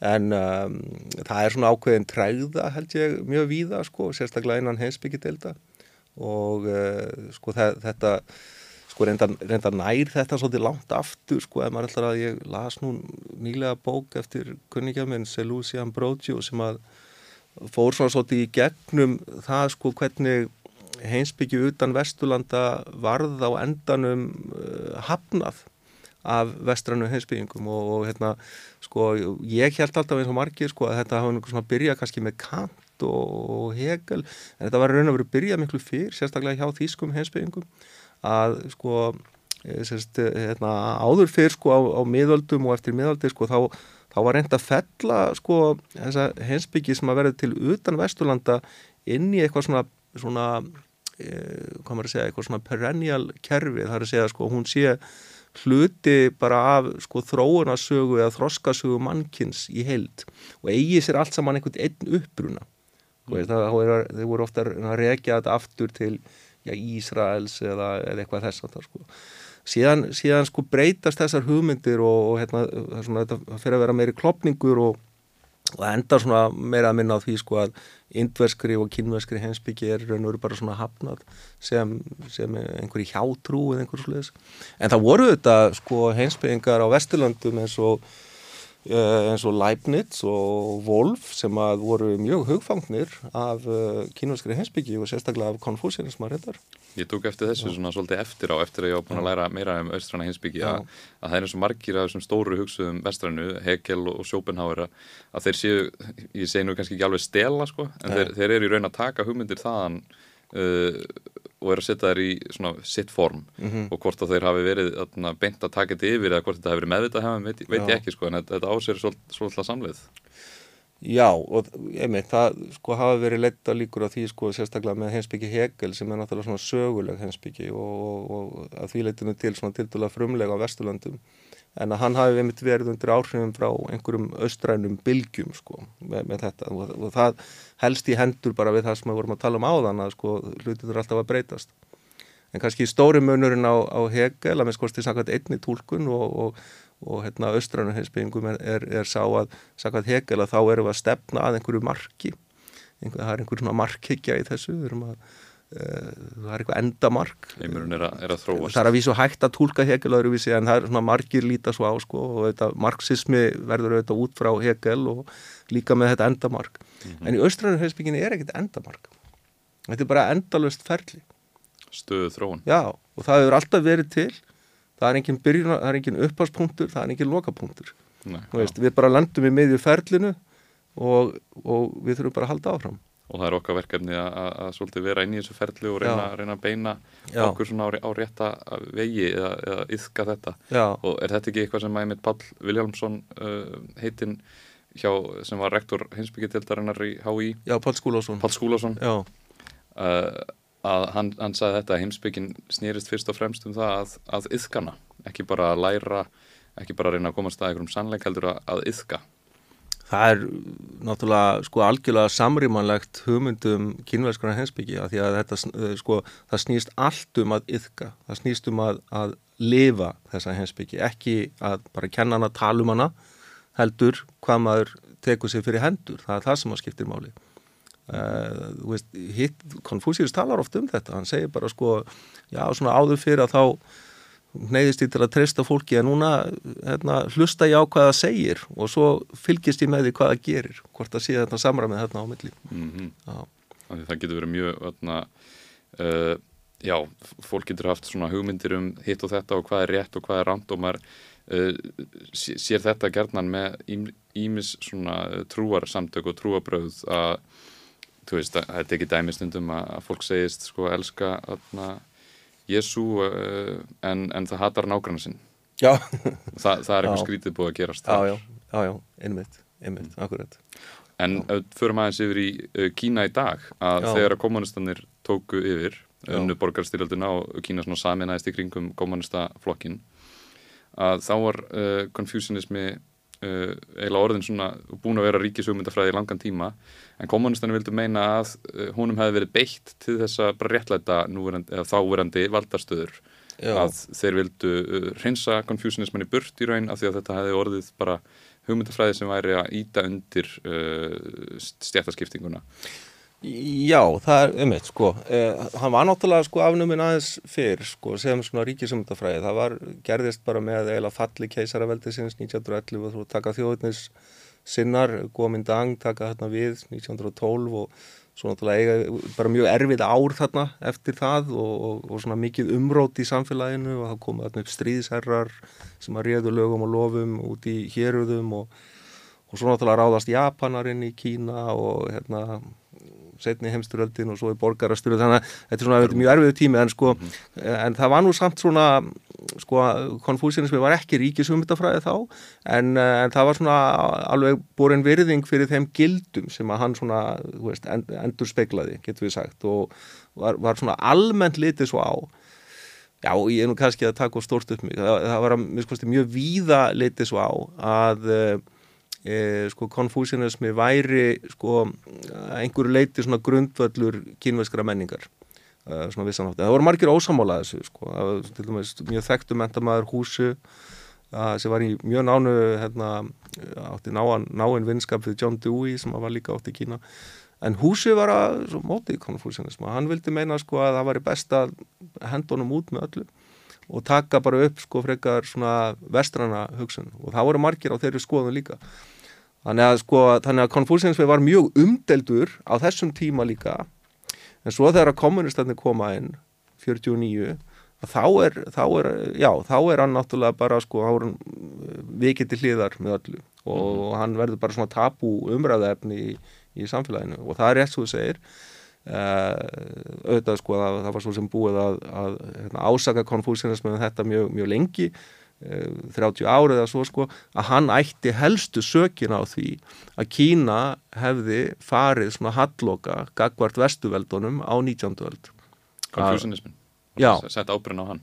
Já, já, að hann væri sko hefði verið of íhaldsamur hann hefði eh, stöðlað einangrunarhyggju Kína eh, og það hefði verið hans vegna að, að samfélagið var svona, hvað maður að segja, frumstætt, teknilega frumstætt. Eh, og eh, og þess að hafi, hafi sko, já, svona lokað sig af frá umheiminum og, og verið svona mikil afturhalsemi sko þetta málu til sannsvegar færa á einhverju leiti, ég menna þarna var ákveðin bara hugmyndafræði gangi sem var mjög afturhalsum mm -hmm. á vissan hátt. En, en við mögum náttúrulega ekki gleyma því sko að þetta er líka tími þar sem að sko vesturveldin eru í alveg gríðalegri þróun. Uh, ég menna þróun sem átti engan sinn líka í veraldasögunni þannig að tæknið þróunin sem var eigið sér stað þar var auðvitað alveg svakaleg. Og svo náttúrulega sko nýlendu stefnan komin í fullan gang og hérna vestuveldin mjög gráðug að sölsa undir sig eins mikið að landsvæði jarðar og eins mikið að vermætum og, og hægt væri.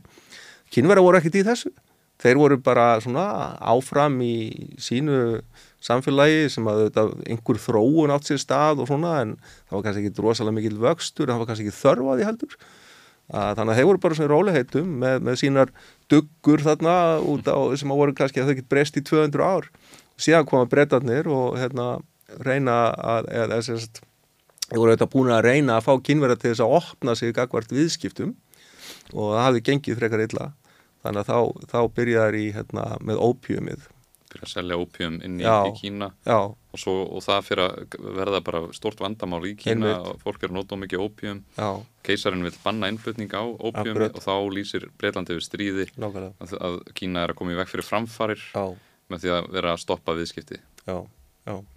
Og þannig byrjaði þetta fyrra ópjumstrið svo kallað 1839 og, og þá áttu kynverðar bara engin svör við þessum mjög fullkomnu og uh, nýtískulegu skipum breyta og, mm.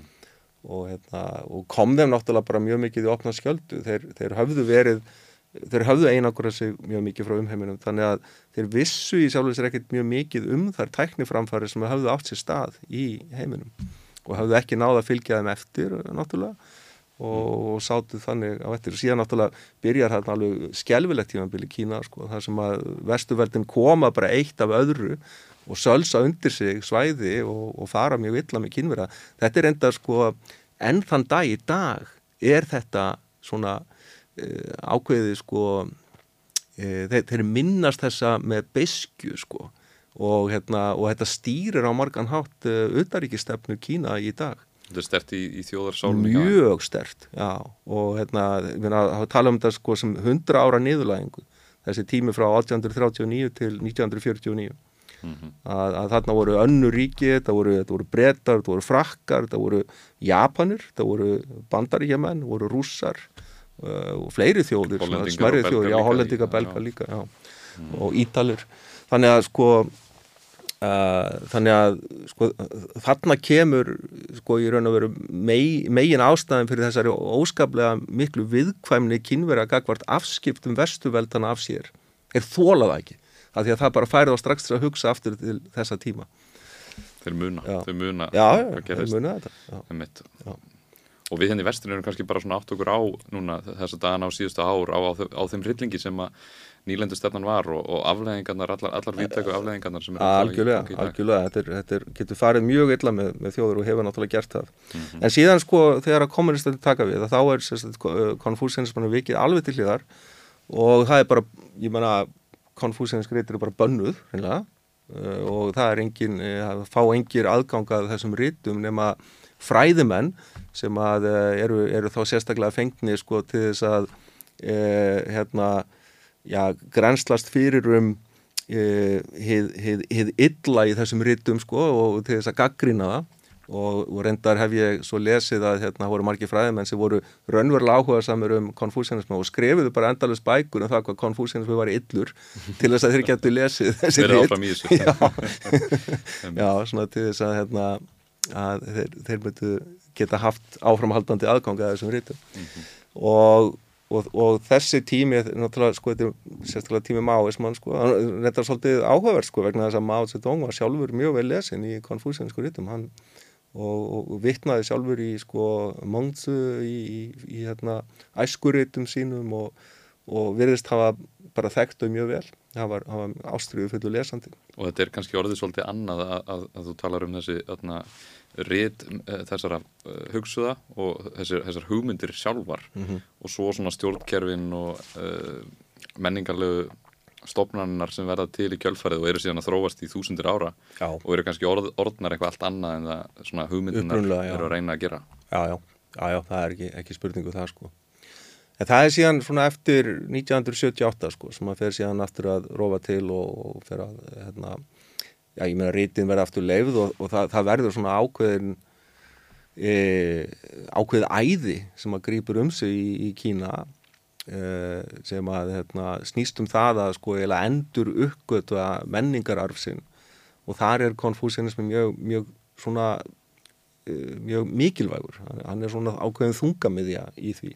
En auðvitað, þú veist, alls konar annað sem að tengtist hefðinni, menn það var í raun og veru allt bannað sem að tengtist klassískri kínveskri hefð sérstaklega á tíma menningabildingarinnar 1960-60-76 þá var það bara lífsættulegt að vera með eitthvað í fórum sínum sem að myndi á kínverðska hefð það er mm -hmm. bara hreinlega lífsættulegt mm -hmm. en, en þetta breytið sérst eftir hérna 78 og, og, og síðan myndi ég segja svona næstu 20-30 árin að mista kosti sko, þá er alveg gríðalega mikil gróska í Kína, í fræðaheiminum uh, mikið um ráðstefnur, mikið um að fá erlenda sérfræðinga sem eru áhuga samir um, um konfúsianism á aðra heimsbyggiskóla eins og dáist á dáisma og sluðis uh, eh, og svo hefur mér fundið svolítið eins og þetta hafi breyst aftur reyndar í, í Kína. Já.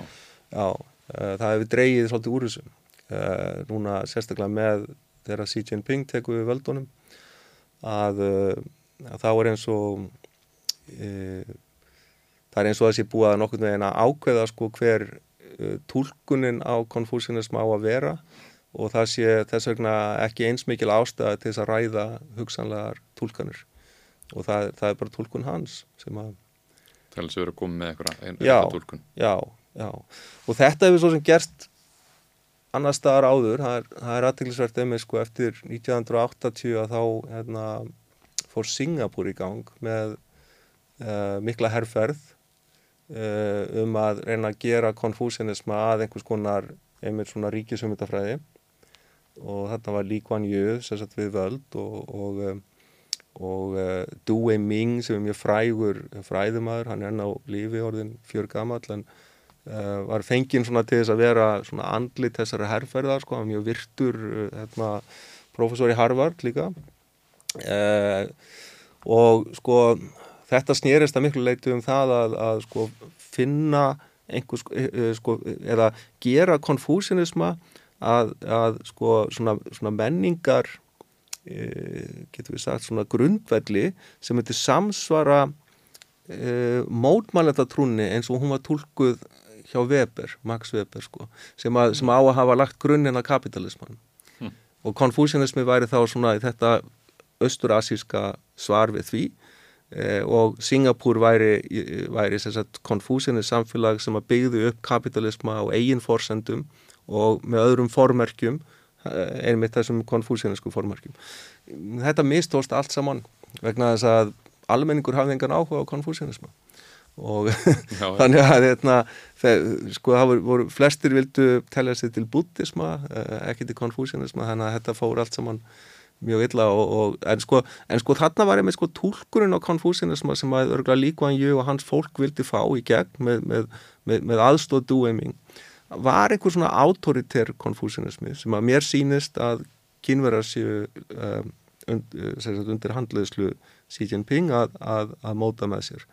Og það er þá í raun og veru ekkert svo ólíkt því stjórnafarið sem að ríkir í Norðurkóriu vegna þess að stjórnafarið í Norðurkóriu er miklu betur líst sem mjög krettukendum konfúsianisma heldur en einhvers konar sósialisma.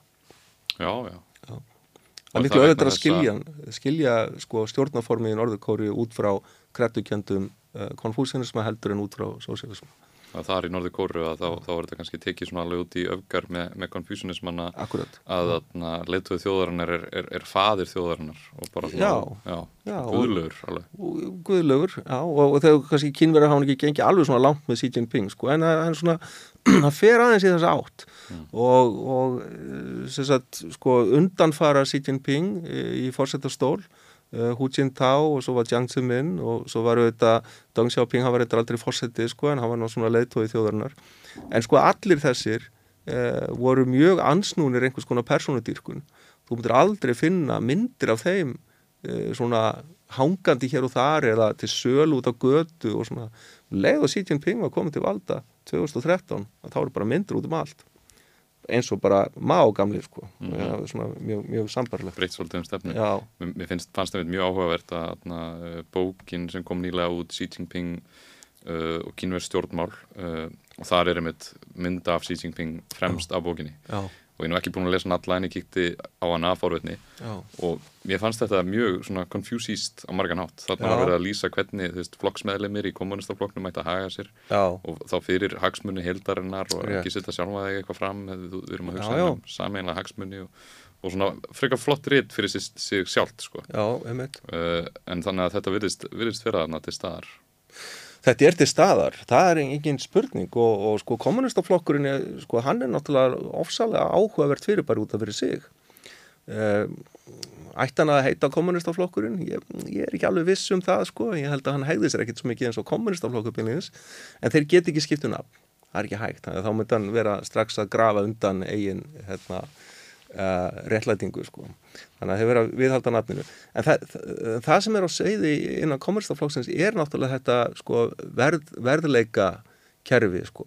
Mm. og e, meni, það er ekkit auðvelt að verða meðlumur í kommerstaflokkinu þú þarfst að sína að þú hafi eitthvað fram að færa vissulega taka þig líka inn til þess að, til þess að sko hafa einhverja fulltrúa segjum sko bændastjættar en þeir taka líka fólki inn að einhverju leiti úr dreifbílinu og svona sem að kannski e, hafa ekkit ekkit hérna, afregað eitthvað mjög mikið en, en þú veist, það þurfa að vera einhverju fulltrúa þeirra en að látmestu leiti Já. er þetta uh, fólk sem er með uh, mikla mentunabaki hefur sínt að það búi við einhverju miklum hæfileikum og hefur eitthvað fram að færa fyrir samfélagið mm -hmm. uh, svona samkvæmt þeirra mati sko. þannig að þetta er elituklúpur á einhvern hátt, kommunistaflokkurinn er elituklúpur og við getum alveg talað um þetta frá konfúsianiskum sjónahóli sem einmitt svona þetta embætismannakerfið sem að Konfúsius var, eh, hafði kannski í huga einhverju leiti. Það er nefnilega rosalega merkilegt að Já. sjá það. Þau, þau eru með tvö þing í Kína eða ekki, það er, er kommunistaflokkurinn eins vegar og svo, svo ertu með svona fulltrúa þing þar sem að eh, Al kemur inn, uh, koma inn fulltrúar frá ýmsum hagsmunahópum en inn í, innan kommunistaflokksins og til þess að verða embætismæður hjá kommunistaflokknum að það er rosalega stíf samkefni. Já, þú ert að fara í gegnum alveg gríðalega mikið ferli sko mm og það er alls ekkit auðvelt að, að verða meðlumir og ég held að, að sko, sérstaklega í setni tíð sko, þá hefur verið skerpt mjög mikið á þessu eh, svona elementi í flokknum. Að hann er svona ákveðin elitu hópur eh, þar sem að sko, eh, hugsunin er svo að það eru, eru hinnir hæfileikaríku, hinnir mentuð sem eiga að stýra landinu. Mm -hmm. og, og ég skal ekki segja, ég, ég ætla ekki að leggja mata á þetta en, en sko ég man eftir að hafa fengið um, fyrirlesara hinga frá Breitlandi sem að uh, ég er búin að týna nafninu á honum, hann er þetta frekar þekktu sko. en, en, en hann hafði uppi bara sko, mjög jákað orðum um kommunistaflokkin og sko talaði sérstaklega um það við hefum ekki að vannmeta þennan flokk þarna er sko alveg, alveg ótrúlega flott fólk þarna innan bors sem að uh, veit alveg hvað það er að gera hins vegar er hættan þessi að þegar að sko hýrarkian verður stigveldi verður allt og stíft það er að segja til dæmis á milli eh, sko Xi Jinping og, og hans kannski næstu ráðamanna og þeir þorar hennilega ekki að segja honum eða ráðleggja eh, eitthvað sem að gæti verið í anstöðu við hans óskýr þá erum við komin áttalega mjög hættulega slóðir. Og þetta, þetta er endar atriði sem að Confucius tala líka mjög mikið um. Hann talar um sko að ég menna góður ráþera á að vera sko reyðubúin að segja keisarann um sannleikan og, og ráleikjónum ef hann er að fara villur vegar. Það er mjög, mjög mikilvægt. Og ef að Xi Jinping sem, sem leitvæn þarna, ef hann myndi ekki geta tekið á móti svona gaggrinni að þá væri hann nú ekki góður embetsmaður Nei, einmitt. Og það, svona, þetta er eitthvað sem ég óttast kannski aðeins. Og mm -hmm. svona, ég veit ekki alveg hvers konar mann hann hefur að geima en, en sko það er svona þetta, þetta stigveldis element í Kína sem getur verið mjög varasamt og hérna, að, að undirmenn þeir hreinlega sko sem vita betur þeir þorar hreinlega ekki að segja yfirmönnum uh, eða svona ráleikjaðum að, að, að gera eitthvað annað en þeir vilja gera mm -hmm. og, og, það er náttúrulega má alls ekki gerast sko. Það er ekki gott Nei En, en svona er þetta kannski oft með ímislegt að, að það kom upp nýjar hugmyndir Já. og þær eru síðan raungerðar í einhverjum stofnunum og það virka kannski í einhver áratvíu og hefur mjög áhrif eins og, eins og mætti segja kannski núna um Kína sem er náttúrulega búið að ná alveg gríðarlega árangri að lifta fólki og fátækt og Já. þróa innviði og, og, og svona. En, en svo getur þetta orðið yfir tíma spiltara. Það getur það sko, já já, uh, vissulega. Og svona ég hef nú líka dallar ágjörð því sko að Xi Jinping er að setja sitt þriða tímanbíl sko. Það uh, hafa alltaf, eða sko alltaf eh, síðan Deng Xiaoping var og hér sko þá uh, var tekinn svo ákvörðun að, að fórsetið myndi bara setja tvö tímanbíl, tvö fimm ára tímanbíl í mestalega, það er að segja tíu ár. En núna breytti Xi Jinping þessu fyrir stuttu, þannig að hann er núna á sinu þriðja og, og, og það er aldrei vitan um að verða á sinu fjóruða og, og uh, þetta er svona svolítið eins og máltæki segir sko að völd spilla og algjör völd spilla algjörlega. Þannig að því lengur svo setur við völd að því ver verður útkoman ég meina þetta, þetta bara sér maður allstafar mm -hmm. þegar að hérna, menn sitja á valdastóli í marga áratugi að þeir verða sífælt verri og verri og kærulausari og gráðuri og Veist, það, þetta er ekki holdt fyrir neitt samfélag. Það, það er miklu holdlara að, að held ég að gera eins og kynverða voru konu með, það er bara fínt fyrirkomulag. Tíu ár, tíu ár. Og, og þá færðu þau einhvern nýjan. Mm -hmm en sko það sem að og það er nú svona djund svolítið svona hugsun þarna að, að sko þegar að, þegar að Xi Jinping sagt, uh, ákveður að breyta þessum lögum eða, eða hann, hann ákvaða það svo sem ekki hann þurfti að auðvitað byggja þingið um að samþykja og auðvitað flokkin líka uh, að breyta þessu lögum þannig að hann geti setið þriða kjörtíðanbyrja þá, þá sögðu bara flesti kýmur já, akkur hefur við að vera að breyta? Og Xi Jinping er bara bestur, hann er djunsin sko, hann er, hann er aðal gægin Þau trú á hann? Já, trú á, já, já, já. Ég er náttúrulega klára því að það myndi vera almenna kostningar í Kína uh, Xi Jinping myndi fá sko örgulega 90% atkvæða. Mm -hmm. Já En þetta er alltaf áhugjefni ef, ef einhverju svona menn sem eru kannski svona góðir leittóðar ná miklum árangri en, en þú veist, eftir kannski tvo áratíu í valdastöðum þá fara þeirra að Það er bara málið, sko. það er svona betra að skipta áður en sá tími kemur. En svona eitt af lokum einmitt um, um þetta Junsi, þessi hérna, herramæður eða herra, herra, uh, noble woman eða hvað það er sko. Já. hann talar um það og svo, svo talar hann um hérna, sem, smámenni. Já, smámenni, já. Og svona á ennsku kannski svona petty petti fólk. Mm -hmm. á, mó, á móti þessum svona uh, uh, þróaðri einstakling getur við sagt eða þeim sem ha, e, e, og kannski eins og Aristoteles myndi segja svona uh, þeim einstaklingum sem er búið að leiðbeina og búið að menta og, og hann tekur dæmið er það ekki eins og við nefndum aðeins áðan að þú ert með þarna, þú ert með kort hjá einhverjum kínuskum keisara Já. og hættan er svo að þar séu allt bara smámenni Já. sem eru í raun bara að sækjast eftir uh, valdastöðum eftir sínum megin hagsmunum. Hafa ekki raunverulegt hugriki hafa ekki raunveruleg uh, síðgæði fram að færa. Uh, og það þurfa að spórna við þessu að því fleiri sem eru djún, uh, smámenni eða láta svona petti hluti skipta sér máli mm -hmm. eins og egoið sitt eða peningar og svona að, að þetta fyrir að skipta meira máli en, en að gera það sem er rétt. Þetta er, er stórhættulegt, já og það, það er einmitt það sem að sko, það sem að enginn er smámennin er það að þeim hefur ekki tekist að menta sig með þeim hætti sem vorum að tala um áðan. Þeir, þeir búi ekki yfir sjú þeir búi ekki yfir sko samkjönd þeir get ekki sett sér í spórannara uh, þeir get ekki hugsað út fyrir sjálfa sig. Þeir halda sko þeir trúa því að, að sko hennu raunverulegu hagsmunir eru bara hagsmunir þeirra sjálfra. Og, og það er bara vegna þess að þeir eru ekki búin að þroska sig þeir eru bara, þess vegna eru þeir smámenni, þeir eru svona, eru litlir, veist, einhvern veginn, og, en sko Junzi er, er, sko sá sem er búin að sko þroska sér þannig að, að hún, hán eða hann sko sér í raun og veru, kemur auga á að hagsmunir eh, hans eða þess eru henni sömu og hagsmunir eh, fjölskyldusinnar eh, samfélagsins og í raun og veru alls heimsins. Þannig að sko þetta er hinn raunverulegi djunsi sem að getur hugsa sig út fyrir þetta þraunga sjónarhótt einstaklingshagsmuna. En það er smámennið ekki, smámennið hefur ekki tekist að gera þetta. Mm -hmm. þannig að, að hafa sko heila hyrða af smámennum er náttúrulega vestar sem hættir að hugsa Skelving, það er enda með ósköpum. Já, já. Að, að það sem við viljum er að, er að reyna að fá sem flesta sem eru, sem eru þroskaðir á þennan hátt. Og þess vegna að mínu viti eh, sko er mentun það sem að skipti langt mestu máli fyrir samfélagið.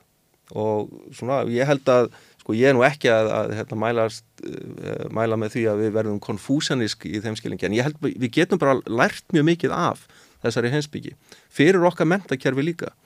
Uh, svona ég held að sé uh, mikið sko innan konfúsanisman sem er alveg hægt að hei, sko hérna, taka inn í, í okkar kerfi, það er ekki það með sagt að við þurfum að verða konfúsianist, þetta er svona svolítið eins og hérna, því vortu að heyrt um Boston konfúsianisman Nei, reyndar ekki. Já, hann, hann er mjög aðdeglisverður, sko, það voru hérna heimsbyggingar og reynda líka einhverju guðfræðingar, sko, sem að uh, hérna, byggu til þetta hugtakum Boston konfúsianism, sko, sem að sko, þeir tala um þetta sem sko færanlegt mótel þetta er, þetta er sko portable. Þetta er, þetta er mótel sem hægt er að, að taka á í raun og veru uh, sko beita á hvaða samfélag sem er vegna þess að sko intækið uh, er kannski ekkit endilega svo um, hvað maður að segja uh, það, er, það er ekki svo þungt intækið, það er meira sko módelið sjálft. Intækið er náttúrulega það sem við fáum út úr okkar menningu og síðan getum við sko laga það svona svolítið að hugsuninni sem er í konfúsinisman sem að snýst náttúrulega um það að við þurfum að hafa, sko við þurfum að hafa, við þurfum að standa svolítið tröstum fótum í því samfélagi sem okkur er varpað inn í sem því það við þurfum að skilja þetta samfélag vel. Við þurfum að skilja þau norm sem að gilda hér, þau gildi sem eru til staðar uh, og svo framvegis. En síðan þurfum við náttúrulega líka að, að sko hafa bæði hugrekki, getu og þekkingu til þess að breyta því sem breyta þarf. Mm -hmm. og þetta þurfum við öll að gera þannig að veist, við þurfum að reyna að stuðla því að við séum samfélag, samfélag djönsu þar sem við erum öll djönsu og erum að taka þátt í þessu verkefni í sammenningu að gera samfélag sem er vonandi gott en gera það enn betra. Mm -hmm. og þetta verður allir að gera. Og þess vegna er þetta á margan hátt mjög líðræðislegt líka. Það er, það er þótt að auðvitað konfúsíus talar hverkið um líðræði en sko á vissan hátt að þá er svona ídealið í konfúsíunismanni er mjög líðræðislegt Einmitt. og eitt sem var mjög, mjög gaman að heyra frá Confucius, Confucius og um Confucianisma Já. var að hann sagði það ef að, ef að valdhafar eru ekki, eru ykkur svona smámenni sem eru bara að stjórna sér í hag og uh, að fara ílla með allþýðu fólks og svo framvegis að þá eigi allþýðan að rýsa upp og steipa þeim fórugjum frá. Tvímar á löst tvímar á löst og, og, hérna, og, og Sunds tala líka til dæmis um hérna, að sko við höfum að hugsa okkur eh, sko, sko keisaran í raun og veru svona eins og bát en það er allþíðan sem sjór sjórin, mm. sjórin getur haldið bátnum uppi en sjórin getur líka kollvarpa bátnum. Þannig að sko það, það er ákveðin svona demokratísk hugsun í þessu öllu saman að sko stjórnvöld eru þarna fyrir almenning. Almenningur er ekki þarna fyrir stjórnvöld heldur öfugt.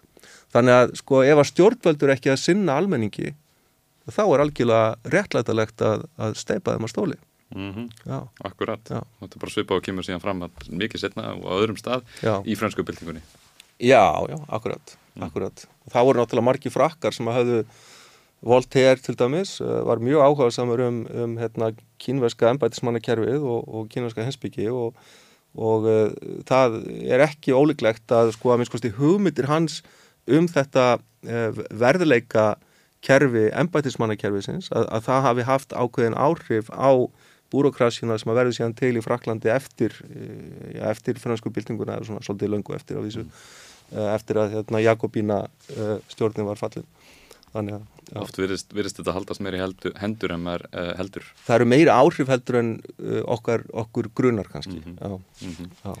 en, en þetta er einmitt heimsbyggin, hún, hún er eitthvað sem er hægt að yðka og konfjúsanismi er eitthvað sem er verulega hægt að, að taka úr og læra af og, og, og innlega svolítið í ykkur ákveðna kannski mentastefnu en þetta er líka svolítið, uh, svona menning. Uh, en þetta tengist líka einu ein umræða sem við tekið hérna alveg í lokin mm -hmm. að uh, háskólar, sumir vilja meina það að háskólar hafi orðið meira bara að uh, svona tækni skólum, það sem þú ert að læra einhverja kunnáttu sem að þú getur selt út á vinnumarkaðanum en, en að ykkur leiti séu háskólanir að missa svolítið það hlutur sem er höfðuð áður Já. sem snýri meira að því að, að búa til svona junsies eða ykkur sem eru svona fágaðir og, og svona umburulindir og, og svo framvegis. Já. Já, ég sko, mér grunar að, hérna, að sko þessi, þessi hnignun, ef svo má segja, hún komi einhver leiti frá bandaríkjónum sko uppalega og hefur síðan verið að reyða sér til rúm sko að þú náttúrulega mátt ekki sko innræta neinum neina skoðanir lengur, ekki satt. Ég menna, mm. við finnum alveg fyrir þessu hér líka að það má ekki, má ekki gera þetta uh, heldur. Uh, verður einhvern veginn að, að líta á alla einstaklinga bara sem einhver opinn kerfi sem að uh, tilenga sér það sem þeir vilja einhvern veginn þannig sko mm -hmm. og mér finnst þetta náttúrulega stór förðulegt vegna þess að, að, að hérna, ég menna það, það er þetta sko færa rauk fyrir ákveðnum ákveðnum hérna, gildum sem eru, eru betri en önnur. Þannig að sko þetta er náttúrulega orðið á afskaplega innan tómt ef að það er ekki lengur hægt að tala um það sem er gott og það sem er, er síður gott. Cornel West sem er núna í frambóði í, í bandaríkjónum til fórseta og er atna, trúa bræðfræðingur og hann, hann nefnir segir hvert eru við komin þegar að atna, allt talum sko, réttlæti og, og, og kærleika er bara afskrifað sem eitthvað svona gammaldags taut sko. Já, einmitt. Og, og allt er orðið bara svona einhverja afstæði sikju að bráð sko, já Mm. Veist, það er bara hvað þér finnst og hvað mér finnst og eitthvað sluðis en, en það er eins og það sé aldrei, aldrei hægt að fara inn einn raukverðin einu þetta er bara svona einhverjar persónlega skoðanir. Mm og vera, þetta er náttúrulega ef að, ef, að, ef að svona hugsun er farin að sko, ná einhverjum undirtökum í samfélaginu þá náttúrulega mjög erfitt fyrir háskóluna að sinna einhvers konar hlutverki sem svona sko, siðferðilega mótandi stopnarnir samfélagsins líka og, og það er ekki þannig að, það, að, að þú færir inn í slíkar stopp, stopnun og, og það er bara verið að segja við þig að gerði svona og gerði hitt og gerði þetta Nei, sjálfsögð ekki, það er verið að ræða hlutina fram og tilbaka. Mér er mjög minnistætt til dæmis þegar að ég kendi einhvern tíma námskeið með hérna, litáðskum félagum mínum í, í Vilnius, það var hérna, námskeið sem var sagt, opið meistaranemum hérna, í Eistarsalslöndunum og, og Finnlandi og og ég man að það var, ungur hérna, maður frá Íslandi sem kom að tala við okkur þegar við vorum í, í, í hérna, fríminútum og hann sagði, og hann hefði verið að tala einmitt um sko lí og siðina og þetta og, og hann sagði sko, við erum bara 22-23 ára gammal sko, hann sagði bara, þetta er alveg frábært maður, ég, þegar ég var að alast upp þá var einhvern veginn engin rammin einstæður, ég vissi ekkit hvernig ég átti að hegða mér. Og, og, og það er náttúrulega bara orðið svona núrtíma kjærfið, það má ekki vera neitt rammi og þess vegna held ég að mörgu ungu fólki líði bara alls ekkert vel, satt að segja mm -hmm. veist, við, við, við þurfum að hafa ramma og það er þess vegna sem að ég held að sko konfúsinismi, sko þessi hugsunum það að við þurfum að standa styrkum fótum í samfélaginu okkur, við þurfum að vita hvað, hvað þetta samfélag er og fyrir hvaða stendur hvaða norm eru, eru mikilvæg hérna á sluðis. Mm -hmm. auðvitað með tíð og tíma þá getum við gaggrínt þessi norm og við getum hafnað þeim, jafnvel en við þurfum líka að, að búa yfir þegar við getum að geta gert það og, og áður við getum gaggriðnað þá verðum við fyrst að skilja þau. Þannig að sko, meina, það er ekki eins og við okkur sé bara kastað ykkur nei, okkur er alltaf kastað inn í eitthvað ákveðið samfélag sem að er e, það er ákveðið samhengi sem er hérna fyrir til dæmis tungumálið er hérna fyrir, við þurfum að tilengja okkur þetta tungumál, við getum ekki bara búið til eitthvað tungumál, nei e, ég bara fættist fyrir einhverja tilvílun á Íslandi og þú líka og, og fyrir vikið er móðumál okkar íslenska. Og við getum ekki bara tilanga okkur eitthvað. Setna getum við þetta lært hann í tungumál, það er ekki málið. Og mjög svipað held ég gildir bara um þau, þau norm og þau, þau gildi sem að svona, er, ráða því uh, sem að sko er í umhverfi okkar. Og við þurfum auðvitað að geta tilanga okkur við getum gaggrindu en við þurfum fyrst að skilja þau Akkurat, og, og, og þetta er svona í háskólanum að, að þetta er eitthvað sem er uh, erfiðar kannski að mæla og erfiðar að skila í öðna, beinum peningum að svona heimsbyggi, heimsfélagsfræði, tungumál og núna er einmitt verið að öðna, skera niður í þeim deildum til þess að færa peninga yfir í, í svona raunvísinda deildir. Já. Þið, þið nokkur í háskólanum hafa tekið ykkur saman til að mótmæla þessum aðgerðum. Þannig er verið að, að, að kasta svolítið mikilvæga, Já, ég, mikilvægum deildum í burt eða minka þær. Sko ég verða að viðkynna að ég hef ekki alveg að því að ég er í rannsóknarleifi og er búin að vera erlendis þannig að hérna, ég bara kem, kom bara í fyrra dag heim og ég hef ekki alveg fylgst náðu mikið með þessu og, og mér finnst ég að þurfa svona meiri gögnum að halda til þess að geta metið sko, hvað, hvort þessar aðgerir séu vitrænar eða ekki. En það er náttúrulega alveg ljóst að uh, sko, það sem að virðist stýra flestum aðgerðum ríkistjórnarinnar og hefur verið að gera það er enn einhvers konar ángi af nýfrálsíkju. Það er alveg á hreinu og þetta finnst mér á margan hátt mjög einkennilegt þegar að sko, við erum búin að sjá afleiðingarnar af nýfrálsíkju út um allan heim sem eru skjálfilegar. Í raun að veru í öllum tilvikum eru það skjálfilegar og þær koma engum vel nema þeim sem að eiga þegar sand af seðlum. Mm veist, en það koma ekki almenningi vel, aldrei. Þannig að sko það er furðulegt að það sé ennþá verið að halda áfram með einhverja svona stefnu sem að, sem að hygglir bara einhverjum örfáum fjárfestum og einhverjum, einhverjum í staðin fyrir að hugsa um samfélagi sem, sem heild, sem að náttúrulega stjórnmálamenn eiga að vera að hugsa um. og eiginlega í raun Já. virðist það vera bara væri minnstamáli heimi að breyta eins fjárlögunum þannig að þú færð inn nokkra fleiri milljarða og getur sett í háskóluna fjármagna Þetta er fjárfesting. Já. fjárfesting sem, sem borgar sig, sig. heimsbyggin er eitthvað, eitthvað til að yðka uh, Geir Sigursson, takk hérlega fyrir mjög gott spjall þetta var mjög áhugavert Takk og sjáum síðar Takk fyrir góða spurningar. Og þið, kæru áhundur og hlustundur, takk hérlega fyrir að staldra við, með okkur í rauðum raunveruleika að uh, hlusta á uh, okkur tala um Confucius, mjög áhugavert. Ég hveti ykkur til að deila þættinum, til að lækan á, á samfélagsmiðránum, það hjálpar honum að deilast í algoritmanum og til að gerast áskrifundur eða vilja styðja við störf samstöðarinnar. Það er allt í uppgangi hér og við erum mjög spennt fyrir framtæðinni og, og þakklátt fyrir stuðning ykkar. Takk og í gott kvöld.